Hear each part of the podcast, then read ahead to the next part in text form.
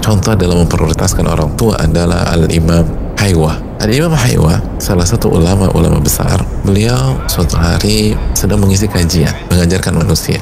Tiba-tiba dalam riwayat ibunya datang dari pintu masjid, terus teriak, Kum ya Haywa, berdirilah wahai Haywa.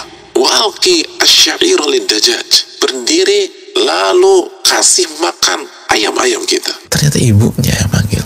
Dan suruh beliau menghentikan kajian untuk sebuah misi. Misinya berkelas? Enggak, kasih makan ayam. Kalau misinya berkelas gitu ya, secara substansi mungkin keren gitu. Ini kasih makan ayam. Depan semua orang. Gimana respon Imam Haywa? Beliau gak komplain sama ibunya. Ya ibu, jangan teriak-teriak gitu lah bu. Di depan murid-murid aku, aku kan malu bu. Muka aku mau taruh di mana bu? Enggak, enggak begitu. Fayaqumu yatruku ta'lim. Lalu beliau tutup langsung seketika itu juga beliau bangkit dan beliau tinggalkan kajian. Kenapa? Karena mentaati orang tua fardu ain. Kajian secara umum fardu kifayah. Fardu ain dikedepankan dibanding fardu kifayah. Dan itulah para ulama.